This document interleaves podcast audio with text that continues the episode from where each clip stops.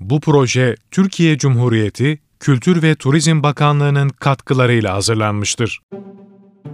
İntikam Akif Hasan Kaya Kendisinin eski tüfek bir komünist olduğunu yıllarca özenle gizleyebilen Raşit Pehlevan, emekliliğine birkaç gün kala kapitalist devlet düzenine yüzyıllarca unutulmayacak, tarih kitaplarına girecek, istihbarat servislerinde ders olarak okutulacak kadar büyük bir kazık attı.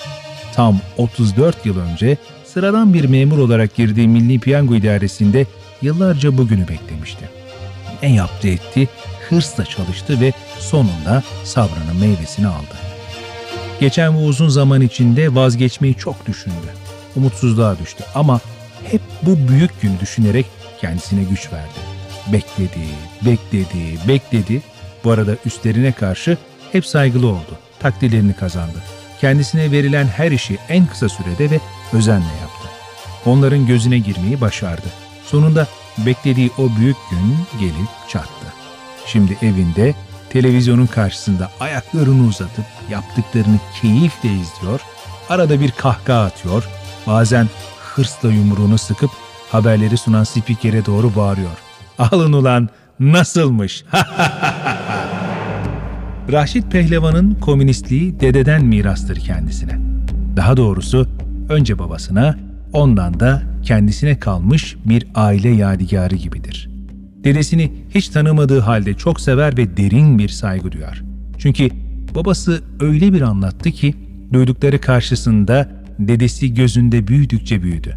Sanki komünist ideolojiyi kuran dedesiymiş de uğradığı büyük haksızlıklar sebebiyle bu kahrolası kapitalistlerin ve faşistlerin hakkını yemesi sonucu komünist düşünce bir türlü ülkede filizlenme imkanı bulamamış. Babası bunları Raşit'e daha küçücükken yürümeye yeni başladığı, daha yeni yeni anne baba demeye başladığı günlerden itibaren anlatmaya başlamıştı. Çocuğun kendisini anlayıp anlayamadığıyla ilgilenmiyordu hiç. O doğru bildiklerini Raşit'e durmadan anlatıyordu. Ama bir yandan da her konuşmanın sonunda bu konuştuklarımız aramızda bir sır olarak kalacak. Kimseye anlatma diye mutlaka sıkı sıkıya tembihte bulunuyordu. Uzun kış gecelerinde Raşit'i kucağına oturtur, bilmem kaç yüzüncü kez aynı şeyleri anlatırdı. Bir gün büyük adam olacağını ve kendisinin beceremediği, bir türlü başaramadığı intikamlarını alacağını söylüyordu.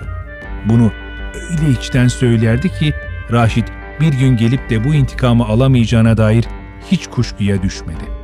Raşit'in kendisiyle aynı adını taşıyan dedesi büyük bir haksızlığa uğramış ve uğradığı bu haksızlık yüzünden idam edilmişti. Daha doğrusu bir daha geriye dönmemiş ve kendisinden hiç haber alınamamıştı. Ama bu durum onun azılı ve dik duran bir komünist olmasından değil, tamamen bir yanlış anlaşılmadan kaynaklanıyordu. Ortalığın toz duman olduğu, haklı ile haksızın birbirine girdiği, kayırmanın ve rüşvetin, her türlü kural tanımazlığın kol gezdiği günlerin birinde meydana gelmişti olay. Köy meydanında oynayan Raşit'in babası daha 12 yaşındaydı. Uzaktan bir araba toprak yolun tozunu savurarak gelmekteydi. O günlerde araba kıt olduğundan köye yalnızca haftada bir postacı ya da arada bir jandarma arabası geldiğinden gelenin ne olduğunu az buçuk tahmin ediyorlardı. Nihayet araba köy meydanına geldi. Bu jandarma arabasıydı. Bir asker hızlıca inerek komutanın kapısını açtı. Komutan indi ve doğruca kahveye yöneldi. İçeri girdiğinde herkes ayağa kalktı. Kim ne konuşuyorduysa ara vermişti. Bazılarına sorsan az önce konuştuklarını bile unutmuştu. Tedirginlik yüzlerinden belliydi. Raşit'in babası ve bütün çocuklar kahvenin camlarını üşüşmüşlerdi. Daha sonra babası Raşit'e bu karakol komutanını anlatırken kendisini tanrı sanan bir sünepe olduğunu söyleyecekti. Kendisini tanrı gibi hissetmesi doğaldı çünkü ahali kendisinden kutsal bir şeyden korkar gibi korkmakta ve ürpermekteydi. Adam belaydı. Karakola girip de hiçbir şey olmadan çıkan çok azdı. Bunu biliyorlardı. Karakol komutanı kahveye girince derin bir sessizlik oldu. Herkes ayaktaydı. Yarım bir ağızda merhaba diye selamladı ahaliyi. Kalabalık karmaşık bir şekilde değil, asla tek bir ağızdan kışladaki gibi sertçe aldı selamı. Sağ ol. Komutan oturunca diğerleri de oturdu. Kimse konuşmadı. sessizlik sürmekteydi. Yanlış bir şey söylemekten korkuyorlardı. Kahveci komutanın çayını getirdi. Komutan şekerini attı, çayını karıştırdı. Kaşığın şıngırtısını dışarıdan askerler bile duydu. Öyle bir sessizlik vardı. Höpürdeterek bir yudum çekti. Bu sessizlik komutanın canını sıktı. ''Ee muhtar, ne var ne yok, var mı bir vukuat?'' diye sordu. Muhtar temkinliydi. Komutanın bildiği, alışık olduğu cevaplar verdi. ''Yok kumandanım, hamdolsun.'' Komutanın iyice canının sıkıldığı yüzünden belliydi. Tam o sırada köşe masada oturmakta olan Raşit Pehlevan'ın kendisiyle aynı ismi taşıyan dedesine gözü takıldı. Adam gözüne çok saf göründü. Biraz takılıp eğlenmeyi düşündüğünden olsa gerek onu yanına çağırdı. ''Hey sen, gel lan buraya.'' Adam kalktı geldi. Tam komutanın önünde ayakta durdu. Komutan buna ilgili ilgisiz sorular sordu. Kaç tavuğun var, içtiğin tütün kaçak mı, ne zaman traktör alacaksın? Adamcağız bütün bu sorulara kırık kopuk kekeme cevaplar verince iyice canı sıkıldı. Çıtayı biraz daha yükseltti. Lenin'i nasıl bilirsin diye sordu. Adam durdu, az düşündü. Lenin'i tanımıyordu. Tanımadığını söylese başının belaya girip girmeyeceğini hesapladı ama işin içinden de çıkamadı. Terlemeye başladı. Ne diyeceğini bilemedi. Komutan cevap beklemekteydi. Soruyu tekrarladı. İşte o zaman korkarak da olsa Allah başımızdan eksik etmesin deyiverdi. İşte ne olduysa ondan sonra oldu. Komutan şimşek gibi yerinden fırladı ve var gücüyle adamı bir tokat yapıştırdı. Adamcağız yediği tokadın etkisiyle savruldu. Beklemediği bu tepki karşısında afallamıştı. Milletin içinde yediği bu tokat çok zoruna gitti. Bir eli yanağında tokat yediği yeri uçturdu. Sonra savrulduğu yerden yeniden yüzünü komutana doğru dönerken sandalyelerden birini kaptığı gibi kafasına geçiriverdi. Ahşap sandalye parçalandı. Komutan sandalyesine çakılmış gibi yığılıp kaldı. Ahali adamı tuttu. İçerideki arbedeyi gören askerler koşup geldi. Dipçiklerle giriştiler. Kafa göz demeden vurdular. Raşit Pehlevan'ın babası kahvenin camından olayın her anını görmüştü. Oğluna anlatırken her seferinde gözyaşlarını tutamadı. Hemen kelepçeyi taktılar. Ağzı burnu kan içinde neredeyse sürükleyerek bindirdiler arabaya. Komutan bir yandan üstünü başını silkeliyor, bir yandan da vay komünist, vay adi, vay şerefsiz diyerek hakaret etmeye devam ediyordu. Sonra arabalarına binip hızla uzaklaştılar. O günden sonra adamdan bir daha haber alamadılar. Gidip sordular, soruşturdular, bulamadılar. Bu isimle kayıt bile yoktu resmi evraklarda. Adam bir daha geri dönmedi. Bütün köy şahitti ama kimse korkudan sesini çıkaramadı. İşte diye anlatır Raşit Pehlevan'ın babası. Ben o gün komünist olmaya karar verdim. Komünistin ne olduğunu o da bilmez. Birkaç kişiye sorar ama tatmin edici bir cevap alamaz. Ama öğrenir. Marx'ı, Engels'i, Stalin'i ve en önemlisi de Lenin'i. Sonra Che Guevara'yı, Fidel Castro'yu. Das Kapital'i, komünizmin ilkelerini, otorite üzerineyi, doğanın diyalektiğini. Okuduklarından pek bir şey anlamasa da adamların söyledikleri kötü şeyler değildi. Öyleyse komünist olmanın neden kötü olduğunu anlaması uzun zaman aldı. Daha sonra şehre taşındı. Ortaokula yazıldı. Yokluktan liseye gidemedi. Çalışmaya başladı. Anasının da yapacak bir şeyi yoktu. İntikam alabilmek için büyük adam olmak gerektiğinin farkındaydı. Böyle sıradan bir işçi olarak hiçbir şey yapamayacağını biliyordu. Baktı ki okuyamadığı için kendisi bir şey yapamayacak, o da bütün her şeyi eğer olursa oğluna anlatmayı, intikamını onun almasını sağlamaya yemin etti. Askerden sonra evlendi. Bir yıl sonra bir oğlu oldu. Oğluna çok sevdiği babasının ismini koydu. Raşit Pehlevan. Oğlunu daha küçüklüğünden itibaren iyi ve gizli bir komünist olarak yetiştirmeye başladı. Ne olursa olsun asla kendini ortaya atmayacak, fikirlerini saklı tutacak, intikam düşüncesini tehlikeye atacak, açığa çıkaracak bir harekette bulunmayacak. Hiçbir partiye, hiçbir derneğe üye olmayacak şekilde yetiştirdi. Daha ilkokula başlamadan hikayesini hemen her gün anlattı oğluna. Çocuğu kucağına oturttu, kendisi de anlamadığı halde kalın kalın kitapları okudu. Çocuk başlarda çok debelendi, sıkıldı, kaçmak istedi. Ama baktı ki kurtuluşu yok, kabullendi. Ama babası bu konuşma ve kitap okuma saatlerinde uslu durması ve kendisini dinlemesi halinde oğlunu hep ödüllendirdi. Çocuk da bunu bildiğinden hep dinledi babasını. Her gün bu fasıl bittiğinde babası Raşit'e hep aynı şeyi söylemeyi hiçbir zaman unutmadı ve ihmal etmedi. Bunlardan kimseye bahsetmek yok.